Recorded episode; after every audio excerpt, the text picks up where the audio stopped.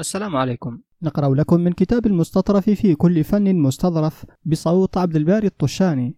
الباب الأول في مباني الإسلام وفيه خمسة فصول. الفصل الأول في الإخلاص لله تعالى والثناء عليه وهو أن تعلم أن الله تعالى واحد لا شريك له فرد لا مثل له صمد لا ند له أزلي قائم أبدي دائم لا أول لوجوده. ولا آخر لأبديته. قيوم لا يفنيه الأبد ولا يغيره الأمد بل هو الأول والآخر والظاهر والباطن منزه عن الجسمية ليس كمثله شيء وهو فوق كل شيء فوقيته لا تزيد بعدا عن عباده وهو أقرب إلى العبيد من حبل الوريد وهو على كل شيء شهيد وهو معكم أينما كنتم. لا يشابه قربه قرب الأجسام كما لا يشابه ذاته ذوات الأجرام. منزه عن أن يحده زمان مقدس عن أن يحيط به مكان. تراه أبصار الأبرار في دار القرار على ما دلت عليه الآيات والأخبار. حي قادر جبار قاهر لا يعتريه عجز ولا قصور ولا تأخذه سنة ولا نوم. له الملكوت والعزة والجبروت. خلق الخلق وأعمالهم وقدر أرزاقهم وآجالهم. لا تحصى مقدوراته ولا تتناهى معلوماته. عالم بجميع المعلومات لا يعزب عنه مثقال ذرة في الأرض ولا في السماوات. يعلم السر وأخفى ويطلع على هواجس الضمائر وخفيات السرائر. مدبر للحادثات لا يجري في ملكه قليل ولا كثير ولا جليل ولا حقير. خير أو شر نفع أو ضر إلا بقضائه وقدره وحكمه ومشيئته. فما شاء كان وما لم يشأ لم يكن. فهو المبدئ المعيد الفاعل لما يريد. لا معقب لحكمه ولا رد لقضائه ولا مهرب لعبد عن معصيته إلا بتوفيقه ورحمته ولا قوة له على طاعته إلا بمحبته وإرادته. لو اجتمع الإنس والجن والملائكة والشياطين على أن يحركوا في العالم ذرة أو يسكنوها دون إرادته لعجزوا. سميع بصير متكلم بكلام لا يشبه كلام خلقه. وكل ما سواه سبحانه وتعالى فهو حادث أوجده بقدرته. وما من حركة وسكون إلا وله في ذلك حكمة دالة على وحدانيته. قال تعالى إن في خلق السماوات والأرض. من سورة البقرة. وقال أبو العتاهية فيا عجبا كيف يعصى الإله أم كيف يجحده الجاحد؟ وفي كل شيء له آية تدل على أنه الواحد ولله في كل تحريكة وتسكينة في الورى شاهد. كل ما ترتقي إليهم بوهم من جلال وقدرة وسناء. فالذي أبدع البرية أعلى منه سبحان مبدع الأشياء. وقال علي رضي الله عنه في بعض وصاياه لولده اعلم يا بني أنه لو كان لربك شريك لأتتك رسله. ولرأيت آثار ملكه وسلطانه ولعرفت أفعاله وصفاته ولكنه إله واحد لا يضاده في ملكه أحد. وعنه عليه الصلاة والسلام كل ما يتصور في الأذهان فالله سبحانه بخلافه. وقال لبيد بن ربيعة ألا كل ما خلا الله باطل وكل نعيم لا محالة زائل وكل ابن أنثى لو تطاول عمره إلى الغاية القصوى فللقبر آيل وكل أناس سوف تدخل بينهم دويهية تصفر منها الأنامل. وكل امرئ يوما سيعرف سعيه إذا حصلت عند الإله الحصائل. وروي أن النبي صلى الله عليه وسلم قال وهو على المنبر إن أشعر كلمة قالها العرب ألا كل شيء ما خلا الله باطل. ثم بعد هذا الاعتقاد الإقرار بالشهادة بأن محمد رسول الله بعثه برسالته إلى الخلائق كافة وجعله خاتم الأنبياء ونسخ بشريعته الشرائع وجعله سيد البشر والشفيع المشفع في المحشر وأوجب على الخلق تصديقه فيما أخبر عنه من أمور الدنيا والآخرة. فلا يصح إيمان عبد حتى يؤمن بما أخبر به بعد الموت.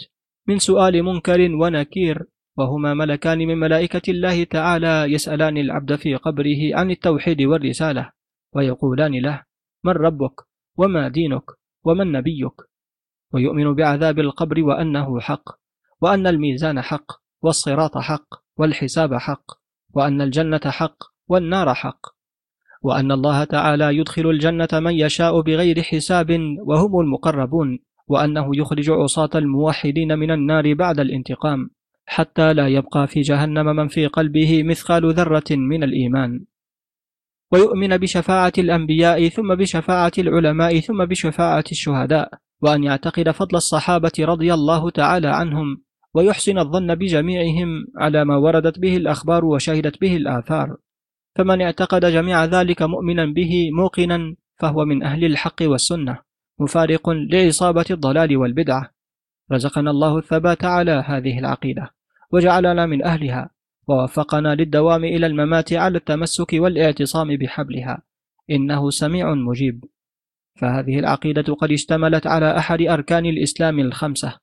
قال رسول الله صلى الله عليه وسلم بني الإسلام على خمس شهادة أن لا إله إلا الله وأن محمد رسول الله وإقام الصلاة وإيتاء الزكاة وصوم رمضان وحج البيت من استطاع إليه سبيلا. الفصل الثاني في الصلاة وفضلها. قال الله تعالى بسم الله الرحمن الرحيم. حافظوا على الصلوات والصلاة الوسطى وقوموا لله قانتين. من سورة البقرة الآية 238 وقال تعالى وأقيموا الصلاة وآتوا الزكاة. البقرة 43 وقال تعالى إن الصلاة كانت على المؤمنين كتابا موقوتا النساء 103 واختلفوا في اشتقاق اسم الصلاة مما هو فقيل هو من الدعاء وتسمية الصلاة دعاء وتسمية الصلاة دعاء معروفة في كلام العرب فسميت الصلاة صلاة لما فيها من الدعاء وقيل سميت بذلك من الرحمة قال تعالى إن الله وملائكته يصلون على النبي. الأحزاب 56 فهي من الله رحمة ومن الملائكة استغفار ومن الناس دعاء. قال صلى الله عليه وسلم اللهم صل على آل أبي أوفى أي ارحمهم. وقيل سميت بذلك من الاستقامة من قولهم صليت العود على النار إذا قومته. والصلاة تقيم العبد على طاعة الله وخدمته وتنهاه عن خلافه. قال الله تعالى إن الصلاة تنهى عن الفحشاء والمنكر. العنكبوت 45 وقيل لأنها صلة بين العبد وربه. وعن رسول الله صلى الله عليه وسلم قال علم الإيمان الصلاة فمن فرغ لها قلبه وحافظ عليها بحدودها فهو مؤمن. وعن عمر بن الخطاب رضي الله عنه أنه قال وهو على المنبر إن الرجل ليشيب عارضاه في الإسلام وما أكمل لله تعالى صلاة. قيل وكيف ذلك؟ قال لا يتم ركوعها وسجودها وخشوعها وتواضعه وإقباله على الله فيها. وقالت عائشة رضي الله تعالى عنها كان رسول الله صلى الله عليه وسلم يحدثنا ونحدثه. فإذا حضرت الصلاة فكأنه لم يعرفنا ولم نعرفه. وقيل للحسن البصري ما بال المتهجدين من أحسن الناس وجوها؟ فقال لأنهم خلوا بالرحمن فألبسهم نورا من نوره. وقال بعضهم لا تفوت أحدا صلاة في جماعة إلا بذنب. وقال بعضهم صليت خلف ذي النون المصري. فلما أراد أن يكبر رفع يديه وقال الله ثم بهت وبقي كأنه جسد لا روح فيه إعظاما لربه جل وعلا. ثم قال الله أكبر. فظننت أن قلب خلع من هيبة تكبيره. وقيل أوحى الله تعالى إلى داود عليه السلام يا داود كذب من ادعى محبتي وإذا جن عليه الليل نام عني. أليس كل محب يحب الخلوة بحبيبه؟ ولعبد الله بن المبارك رضي الله تعالى عنه إذا ما الليل أظلم كابدوه فيسفر عنهم وهم ركوع. أطار الخوف نومهم فقاموا وأهل الأمن في الدنيا هجوع. وكان سيد الشيخ الإمام العلامة فتح الدين ابن أمين الدين الحكم التحريري رحمه الله كثيرا ما يتمثل بهذه الأبيات. يا أيها الراقد كم ترقد؟ قم يا حبيبي قد دنا الموعد. وخذ من الليل ولو ساعة تحظى إذا ما هجع الرقد. من نام حتى ينقضي ليله لم يبلغ المنزل لو يجهد. وكان سيدي أويس القرني لا ينام ليله ويقول ما بال الملائكة لا يفترون ونحن نفتر؟ وقال حذيفة رضي الله عنه كان رسول الله صلى الله عليه وسلم إذا حزبه أمر فزع إلى الصلاة. وقال هشام ابن عروة كان أبي يطيل المكتوبة ويقول هي رأس المال. وقال أبو الطفيل سمعت أبا بكر الصديق رضي الله تعالى عنه يقول يا أيها الناس قوموا إلى نيرانكم فأطفئوها. سمعت رسول الله صلى الله عليه وسلم يقول الصلاة إلى الصلاة كفارة لما بينهما ما اجتنبت الكبائر. وجزأ محمد بن المكندر عليه وعلى أمه وعلى أخته الليل أثلاثا فماتت أخته فجزأه عليه وعلى أمه فماتت أمه فقام الليل كله. وكان مسلم بن بشار إذا أراد أن يصلي في بيته يقول لأهله تحدثوا فلست أسمع حديثكم. وكان إذا دخل البيت سكت أهله فلا يسمع لهم كلام. فإذا قام إلى الصلاة تحدثوا وضحكوا ووقع حريق إلى جنبه وهو في الصلاة فما شعر به حتى أطفئ. وكان الحمام يقع على رأس ابن الزبير في المسجد الحرام يحسبه جذعا منصوبا لطول انتصابه في الصلاة. وكانت العصافير تقع على ظهر إبراهيم بن شريك وهو ساجد كما تقع على الحائط.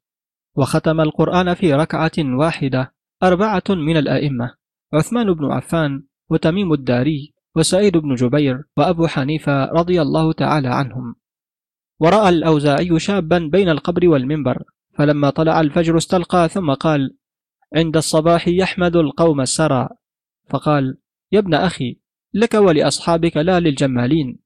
وكان خلف بن أيوب لا يطرد الذباب عن وجهه في الصلاة. فقيل له كيف تصبر؟ فقال بلغني أن الفساق يتصبرون تحت السياط ليقال فلان صبور وأنا بين يدي ربي أفلا أصبر على ذباب يقع علي؟ وقال أبو صفوان بن عوانة ما من منظر أحسن من رجل عليه ثياب بيض وهو قائم يصلي في القمر كأنه يشبه الملائكة. وقال الحسن البصري ما كان في هذه الأمة أعبد من فاطمة عليها السلام بنت رسول الله صلى الله عليه وسلم وكانت تقوم بالأسحار حتى تورمت قدماها. وقام رسول الله صلى الله عليه وسلم حتى تورمت قدماه وهو المغفور له ما تقدم من ذنبه وما تأخر. وكانت دموعه تقع في مصلاه كوكف المطر وكان إبراهيم الخليل عليه الصلاة والسلام يسمع لقلبه خفقان وغليان. هذا خوف الحبيب والخليل مع ما أعطيا من الإجلال والإكرام وشرف المقام. فالعجب كيف يطمئن قلب من أزعجته الآثام. وقال رسول الله صلى الله عليه وسلم لرجل قال له ادعو الله أن يجعلني رفيقك في الجنة. فقال أعني على نفسك بكثرة السجود. وقال حاتم الأصم رحمه الله تعالى. فاتتني صلاة الجماعة مرة فعزاني أبو إسحاق البخاري وحده. ولو مات لي ولد لعزاني أكثر من عشرة آلاف لأن مصيبة الدين عندهم أهون من مصيبة الدنيا. وكان السلف رضي الله تعالى عنهم يعزون أنفسهم ثلاثة أيام إذا فاتتهم التكبيرة الأولى وسبعا إذا فاتتهم الجماعة. وقال ابن عباس رضي الله عنهما ركعتان مقتصدتان في تفكر خير من قيام ليلة والقلب ساهن. وأنشد بعضهم خسر الذي ترك الصلاة وخاب وأبى معادا صالحا ومآبا. إن كان يجحدها فحسبك أنه أضحى بربك كافرا مرتابا. أو كان يتركها لنوع تكاسل غطى على وجه الصواب حجابا. فالشافعي ومالك رأيا له إن لم يتب حد الحسام عقابا. والرأي عندي للإمام عذابه بجميع تأديب يراه صوابا. اللهم أعنا على الصلاة وتقبلها منا بكرمك ولا تجعلنا من الغافلين برحمتك يا أرحم الراحمين. وصلى الله على سيدنا محمد وآله وصحبه أجمعين. ومما يستحسن إلحاقه بهذا الفصل ذكر شيء من فضل السواك والآذان. أما السواك فقد قال رسول الله صلى الله عليه وسلم لولا أن أشق على أمتي لأمرتهم بالسواك عند كل صلاة. وقال أيضا صلاة على أثر سواك أفضل من خمس وسبعين صلاة على غير سواك. وقال حذيفة بن اليمان رضي الله عنه كان رسول الله صلى الله عليه وسلم إذا قام ليتهجد شاص فاه بالسواك. وقال صلى الله عليه وسلم السواك مطهرة للفم مرضاة للرب. وعنه صلى الله عليه وسلم أنه قال لو يعلم الناس ما في السواك لبات مع الرجل في لحافه. وقال أيضا أفواهكم طرق لكلام ربكم فنظفوها. والاختيار في السواك أن يكون بعود الأراك ويجزى بغيره من العيدان وبالسعد والإشنان والخرقة الخشنة وغير ذلك مما ينظف. ويستاك عرضا مبتدئا بالجانب الأيمن من فيه وينوي به الإتيان بالسنة. والسواك بعود الزيتون يزيل الحفر من الأسنان. وقال الأصحاب وقال الأصحاب يقول عند السواك اللهم بارك لي فيه يا أرحم الراحمين. ويستاك في ظاهر الأسنان وباطنها. ويمر السواك على أطراف أسنانه وأضراسه وسقف حلقه إمرارا لطيفا. ويستاك بعود متوسط لا شديد اليبوسة ولا شديد اللين فإن اشتد يبسه لينه بالماء. وقد قيل إن من فضائل السواك أنه يذكر الشهادة عند الموت ويسهل خروج الروح. وأما الأذان فقد روي عن النبي صلى الله عليه وسلم أنه قال يد الرحمن على رأس المؤذن حتى يفرغ من أذانه. قيل في قوله تعالى ومن أحسن قولا ممن دعا إلى الله وعمل صالحا. فصلت ثلاثة وثلاثون. نزلت في المؤذنين. وعن أبي سعيد الخدري رضي الله عنه قال سمعت رسول الله صلى الله عليه وسلم يقول المؤذنون أطول الناس أعناقا يوم القيامة. رواه مسلم. وعن أبي هريرة رضي الله عنه عن النبي صلى الله عليه وسلم قال إذا نودي للصلاة أدبر الشيطان وله ضراط حتى لا يسمع التأذين. رواه البخاري ومسلم. وعن أبي هريرة رضي الله عنه قال سمعت رسول الله صلى الله عليه وسلم يقول لا يسمع مدى صوت المؤذن جن ولا إنس ولا شيء إلا شهد له يوم القيامة. رواه البخاري. والأحاديث في فضله كثيرة مشهورة والله سبحانه وتعالى أعلم. الفصل الثالث في الزكاة وفضلها. قرن الله سبحانه وتعالى الزكاة بالصلاة في مواضع شتى من كتابه. قال تعالى وأقيموا الصلاة وآتوا الزكاة. البقرة 43 وقال تعالى رجال لا تلهيهم تجارة ولا بيع عن ذكر الله وإقام الصلاة وإيتاء الزكاة. النور 37 وقال تعالى ويقيم الصلاة ويؤتوا الزكاة وذلك دين القيمة. البينة خمسة. وعن بريدة رضي الله تعالى عنه عن النبي صلى الله عليه وسلم أنه قال ما حبس قوم الزكاة إلا حبس الله عنهم القطر وعن ابن عباس رضي الله تعالى عنهما عن النبي صلى الله عليه وسلم قال من كان عنده ما يزكي به ولم يزكي ومن كان عنده ما يحج ولم يحج سأل الرجعة.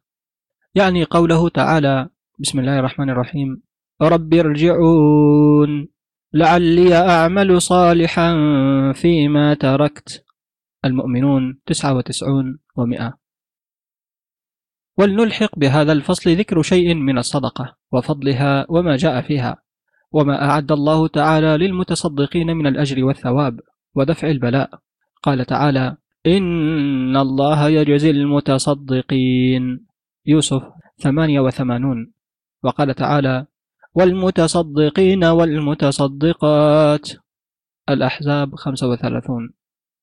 والآيات الكريمة في ذلك كثيرة والأحاديث الصحيحة فيه مشهورة وروى الترمذي في جامعه بسنده عن عبد الله بن عمرو بن العاص رضي الله عنهما قال قال رسول الله صلى الله عليه وسلم خير الأصحاب عند الله خيرهم لصاحبه وخير الجيران عند الله خيرهم لجاره.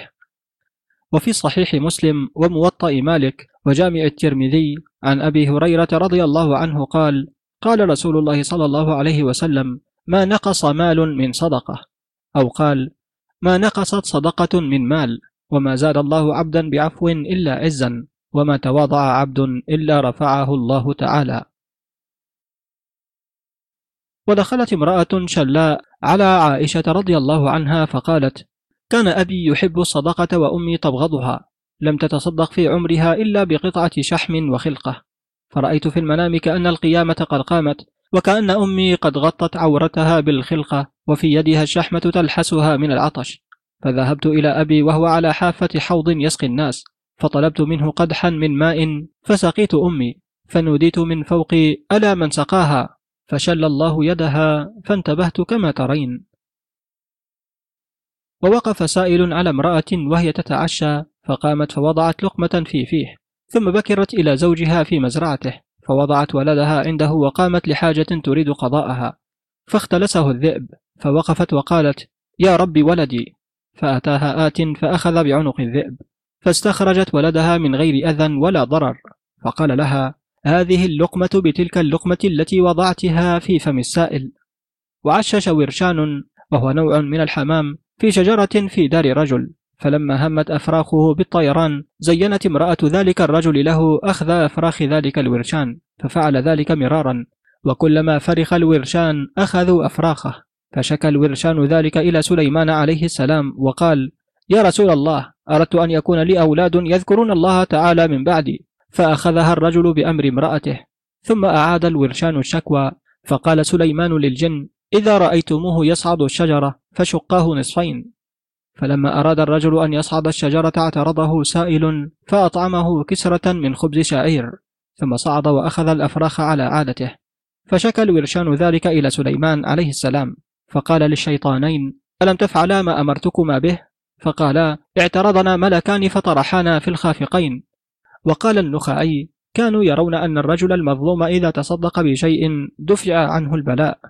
وكان الرجل يضع الصدقة في يد الفقير ويتمثل قائما بين يديه ويسأله قبولها حتى يكون هو في صورة السائل. وقد قال رسول الله صلى الله عليه وسلم الصدقة تسد سبعين بابا من الشر. وعنه صلى الله عليه وسلم قال ردوا صدقة البلاء ولو بمثل رأس الطائر من طعام. وروي عنه صلى الله عليه وسلم أنه قال ردوا مذمة السائل ولو بظلف محرق. وعنه أيضا صلى الله عليه وسلم اتقوا النار ولو بشق تمرة. وقال عيسى صلوات الله وسلامه عليه. من رد سائلا خائبا لم تغش الملائكة ذلك البيت سبعة أيام. وكان نبينا محمد صلى الله عليه وسلم يناول المسكين بيده. وعنه صلى الله عليه وسلم ما من مسلم يكسو مسلما ثوبا إلا كان في حفظ الله ما كانت عليه منه رقعة. وقال عبد العزيز بن عمير الصلاة تبلغك نصف الطريق والصوم يبلغك باب الملك والصدقة تدخلك عليه. وعن الربيع بن خيثم أنه خرج في ليلة شاتية وعليه برنس خز فرأى سائلا فأعطاه إياه وتلا قوله تعالى لن تنالوا البر حتى تنفقوا مما تحبون. آل عمران 92 وروي عن رسول الله صلى الله عليه وسلم أنه قال لا يرد القضاء إلا الدعاء ولا يزيد في العمر إلا البر وإن سوء الخلق شؤم وحسن الملكة نماء والصدقة تدفع ميتة السوء. وقال يحيى بن معاذ ما أعرف حبة تزن جبال الدنيا إلا من الصدقة. وعن عمر رضي الله عنه أن الأعمال تباهت فقالت الصدقة أنا أفضلكن وعن أبي هريرة رضي الله عنه أن رسول الله صلى الله عليه وسلم قال تداركوا الهموم والغموم بالصدقات يدفع الله ضركم وينصركم على عدوكم. وعن عبيد بن عمير قال يحشر الناس يوم القيامة أجوع ما كانوا قط وأعطش ما كانوا قط فمن أطعم لله أشبعه الله. ومن سقى لله سقاه الله ومن كسى لله كساه الله. وقال الشعبي من لم ير نفسه إلى ثواب الصدقة أحوج من الفقير إلى صدقته فقد أبطل صدقته وضرب بها وجهه. وكان الحسن بن صالح إذا جاءه سائل فإن كان عنده ذهب أو فضة أو طعام أعطاه فإن لم يكن عنده من ذلك شيء أعطاه دهنا أو غيره مما ينتفع به فإن لم يكن عنده شيء أعطاه كحلا أو أخرج إبرة وخيطا فرقع بهما ثوب السائل ووجه رجل ابنه في تجارة فمضت أشهر ولم يقع له على خبر فتصدق برغيفين وأرخ ذلك اليوم فلما كان بعد سنة رجع ابنه سالما رابحا فسأله أبوه هل أصابك في سفرك بلاء؟ قال نعم غرقت السفينة بنا في وسط البحر وغرقت في جملة الناس وإذا بشابين أخذاني فطرحاني على الشط وقالا لي قل لوالدك هذا برغيفين فكيف لو تصدقت بأكثر من ذلك؟ وقال علي رضي الله تعالى عنه وكرم الله وجهه إذا وجدت من أهل الفاقة من يحمل لك زادك فيوافيك به حيث تحتاج إليه فاغتنم حمله إياه. ولله در القائل حيث قال يبكي على الذاهب من ماله وإنما يبقى الذي يذهب. وحكي أن رجلا عبد الله سبعين سنة فبينما هو في معبده ذات ليلة إذ وقفت به امرأة جميلة فسألته أن يفتح لها وكانت ليلة شاتية فلم يلتفت إليها وأقبل على عبادته فولت المرأة فنظر إليها فأعجبته فملكت قلبه وسلبت لبه فترك العبادة وتبعها وقال إلى أين؟ فقالت إلى حيث أريد. فقال هيهات صار المراد مريدا والأحرار عبيدا ثم جذبها فأدخلها مكانه. فأقامت عنده سبعة أيام فعند ذلك تذكر ما كان فيه من العبادة وكيف باع عبادة سبعين سنة بمعصية سبعة أيام فبكى حتى غشي عليه. فلما أفاق قالت له يا هذا والله أنت ما عصيت الله مع غيري وأنا ما عصيت الله مع غيرك وإني أرى في وجهك أثر الصلاح فبالله عليك إذا صالحك مولاك فاذكرني. قال فخرج هائما على وجهه. فآواه الليل إلى خربة فيها عشرة عميان وكان بالقرب منهم راهب يبعث إليهم في كل ليلة بعشرة أرغفة. فجاء غلام الراهب على عادته بالخبز فمد ذلك الرجل العاصي يده فأخذ رغيفا. فبقي منهم رجلا لم يأخذ شيئا. فقال أين رغيفي؟ فقال الغلام قد فرقت عليكم العشرة. فقال أبيت طاويا أي جائعا.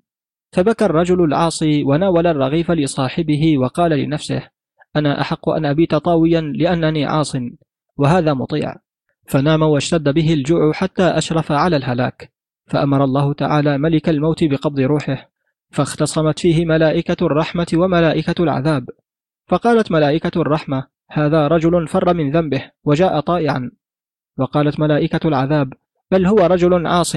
فأوحى الله تعالى إليهم أنزنوا معصية السبع ليال بالرغيف الذي آثر به نفسه فوزنوا ذلك فرجح الرغيف فتوفته ملائكة الرحمة وقبل الله توبته.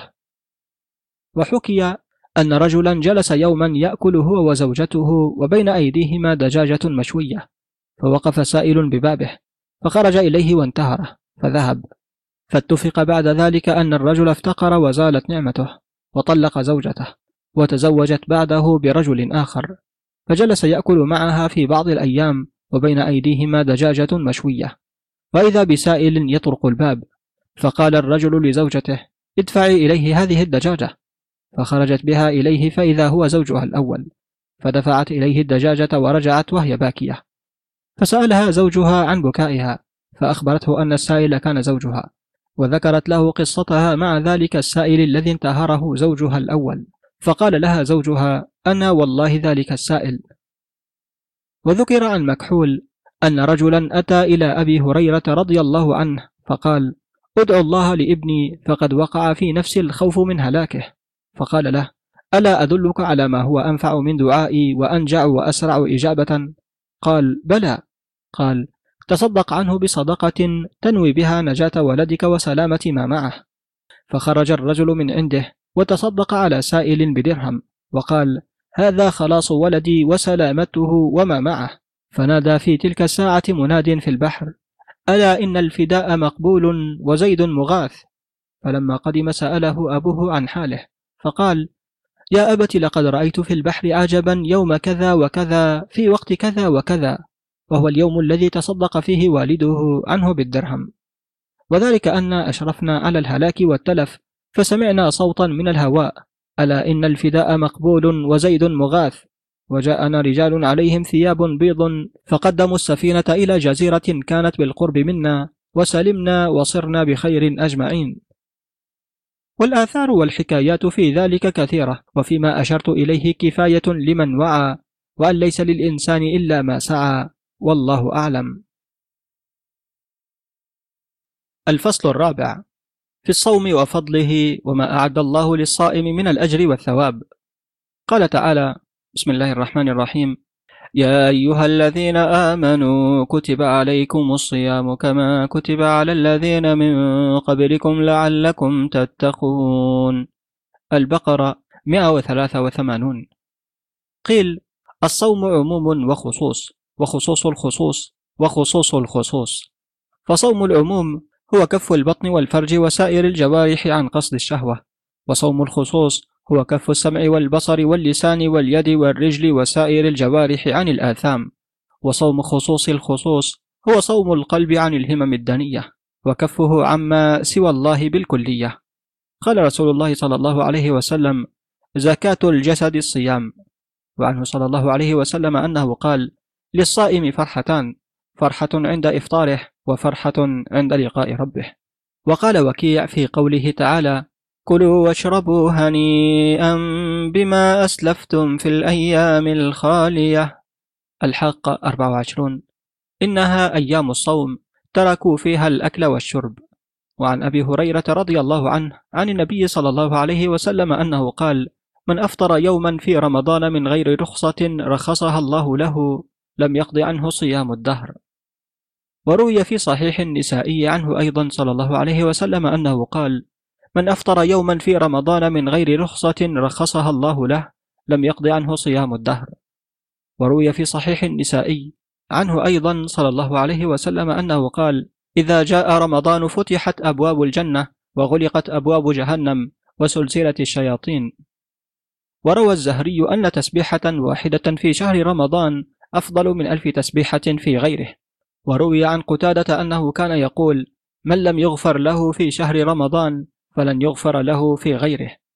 وقال رسول الله صلى الله عليه وسلم لو يعلم الناس ما في شهر رمضان من الخير لتمنت أمتي أن يكون رمضان السنة كلها. ولو أذن الله للسماوات والأرض أن تتكلما لشهدتا لمن صام رمضان بالجنة. وقال صلى الله عليه وسلم ليس من عبد يصلي في ليلة من شهر رمضان إلا كتب الله له بكل ركعة ألفا وخمسمائة حسنة وبنى له بيتا في الجنة من ياقوتة حمراء لها سبعون ألف باب لكل باب منها مصراعان من ذهب وله بكل سجدة يسجدها شجرة يسير الراكب في ظلها مائة عام. وقال صلى الله عليه وسلم إن لكل صائم دعوة فإذا أراد أن تقبل فليقل في كل ليلة عند فطره يا واسع المغفرة اغفر لي. وعن عبد الله بن مسعود رضي الله عنه من صام يوما من رمضان خرج من ذنوبه كيوم ولدته أمه فإذا انسلخ عنه الشهر وهو حي لم يكتب عليه خطيئة حتى الحول. ومن عطش نفسه لله في يوم شديد الحر من أيام الدنيا كان حقا على الله أن يرويه يوم القيامة. وقال بعضهم الصيام زكاة البدن ومن صام الدهر فقد وهب نفسه لله تعالى. وروي في صحيح مسلم عن أبي هريرة رضي الله عنه أن النبي صلى الله عليه وسلم قال الصلوات الخمس والجمعة إلى الجمعة ورمضان إلى رمضان مكفرات لما بينهن ما اجتنبت الكبائر. وعنه صلى الله عليه وسلم أنه قال صيام ثلاثة أيام من كل شهر كصيام الدهر. وهي الأيام البيض وهي الثالث عشر والرابع عشر والخامس عشر. من كل شهر. وفي صحيح البخاري عن أبي سلمة عن أبي هريرة رضي الله عنه عن النبي صلى الله عليه وسلم أنه قال من صام رمضان إيمانا واحتسابا غفر له ما تقدم من ذنبه. وفضل الصوم غزير لأن الله تعالى خصه بالإضافة إليه كما ثبت في الصحيح من الحديث عن النبي صلى الله عليه وسلم أنه قال مخبرا عن ربه عز وجل كل عمل ابن آدم له إلا الصوم فإنه لي. وأنا أجزي به. وقد يكتفى في فضله بهذا الحديث الجليل. وحسبنا الله ونعم الوكيل. الفصل الخامس في الحج وفضله. قال الله تعالى ولله على الناس حج البيت من استطاع إليه سبيلا. العمران 97 وقال رسول الله صلى الله عليه وسلم من خرج من بيته حاجا أو معتمرا فمات. أجرى الله له أجر الحاج والمعتمر إلى يوم القيامة. وقال صلى الله عليه وسلم من استطاع الحج ولم يحج فليمت إن شاء يهوديا وإن شاء نصرانيا. وفي الحديث إن من الذنوب ذنوبا لا يكفرها إلا الوقوف بعرفة. وفيه أعظم الناس ذنوبا من وقف بعرفة فظن أن الله لم يغفر له وهو أفضل يوم في الدنيا. وفي الخبر أن الحجر الأسود ياقوتة من يواقيت الجنة. وأنه يبعثه الله يوم القيامة وله عينان ولسان ينطق به يشهد لمن استلمه بحق وصدق. وجاء في الحديث الصحيح أن آدم عليه الصلاة والسلام لما قضى مناسكه لقيته الملائكة فقالوا يا آدم لقد حججنا هذا البيت قبلك بألفي عام. وقال مجاهد إن الحجاج إذا قدموا مكة لحقتهم الملائكة فسلموا على ركبان الإبل وصافحوا ركبان الحمر واعتنقوا المشاة اعتناقا. وكان من سنة السلف رضي الله عنهم أن يشيعوا الغزاة ويستقبلوا الحجاج ويقبلوهم بين أعينهم ويسألوهم الدعاء لهم ويبادروا ذلك قبل أن يتدنسوا بالأثام. وعن النبي صلى الله عليه وسلم أن الله قد وعد هذا البيت أن يحجه كل سنة ستمائة ألف فإن نقصوا كملهم الله تعالى من الملائكة. وأن الكعبة تحشر كالعروس المزفوفة فكل من حجها يتعلق بأستارها ويسعى حولها حتى تدخل الجنة فيدخل معها. وحكي أن جميلة الموصلية بنت ناصر الدولة أبي محمد بن حمدان حجت سنة ست وثمانين فصارت تاريخا مذكورا. قيل إنها سقت أهل الموسم كلهم السويق بالطبرزد والثلج واستصحبت البقول المزروعة في المراكن على الجمال وأعدت خمسمائة راحلة للمنقطعين ونثرت على الكعبة عشرة آلاف دينار. ولم تستصبح فيها وعندها إلا بشموع العنبر وأعتقت ثلاثمائة عبد ومائتي جارية وأغنت الفقراء والمجاورين. ولما بنى آدم عليه الصلاة والسلام البيت وقال يا رب إن لكل عامل أجرا فما أجر عملي؟ قال إذا طفت به غفرت لك ذنوبك. قال زدني. قال جعلته قبلة لك ولأولادك. قال يا رب زدني. قال أغفر لكل من استغفرني من الطائفين به من أهل التوحيد من أولادك. قال يا رب حسبي. وفي الحديث الحج المبرور ليس له جزاء إلا الجنة. وقيل للحسن ما الحج المبرور؟ قال أن ترجع زاهدا في الدنيا راغبا في الآخرة. وأول من كسى الكعبة الديباج عبد الله بن الزبير وكانت كسوتها المسوح والأنطاع. وكان يطيبها حتى يوجد ريحها من خارج الحرم. وكان حكيم بن حزام يقيم عشية عرفة مائة بدنة ومائة رقبة فيعتق الرقاب عشية عرفة وينحر البدن يوم النحر. وكان يطوف بالبيت فيقول لا إله إلا الله وحده لا شريك له نعم الرب ونعم الإله أحبه وأخشاه. ورؤي الحسن بن علي رضي الله عنهما يطوف بالبيت ثم صار إلى المقام فصلى ركعتين ثم وضع خده على المقام فجعل يبكي ويقول عبيدك ببابك خويدمك ببابك سائلك ببابك مسكينك ببابك. يردد ذلك مرارا ثم انصرف رضي الله عنه. فمر بمساكين معهم فلق خبز يأكلون فسلم عليهم فدعوه إلى الطعام فجلس معهم وقال لولا أنه صدقة لأكلت معكم. ثم قال قوموا بنا إلى منزلي. فتوجهوا معه. فأطعمهم وكساهم وأمر لهم بدراهم.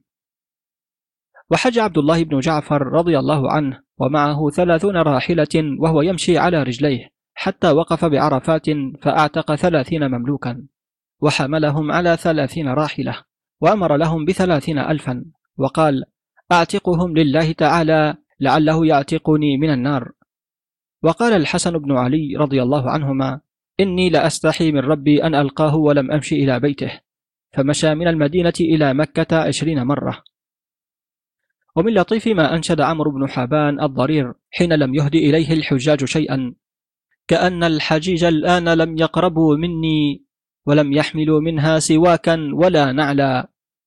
أتونا فما جادوا بعود أراكة ولا وضعوا في كف طفل لنا نقلا. وقال غيره يحجون بالمال الذي يجمعونه حراما إلى البيت العتيق المحرم. ويزعم كل منهم أن وزره يحط ولكن فوقه في جهنم. وقال آخر حج في الدهر حجة حج فيها وأحرما. وأتانا من الحجاز كما راح محرما. فهو ذو الحجة الذي ما توقى محرما. وتخاصم بدوي مع حاج عند منصرف الناس فقيل له أتخاصم رجلا من الحجاج؟ فقال يحج لكي ما يغفر الله ذنبه ويرجع قد حطت عليه ذنوب وقال أبو الشمقمق إذا حججت بمال أصله دنس فما حججت ولكن حجت العير ما يقبل الله إلا كل طيبة ما كل من حج بيت الله مبرور. والله سبحانه وتعالى أعلم.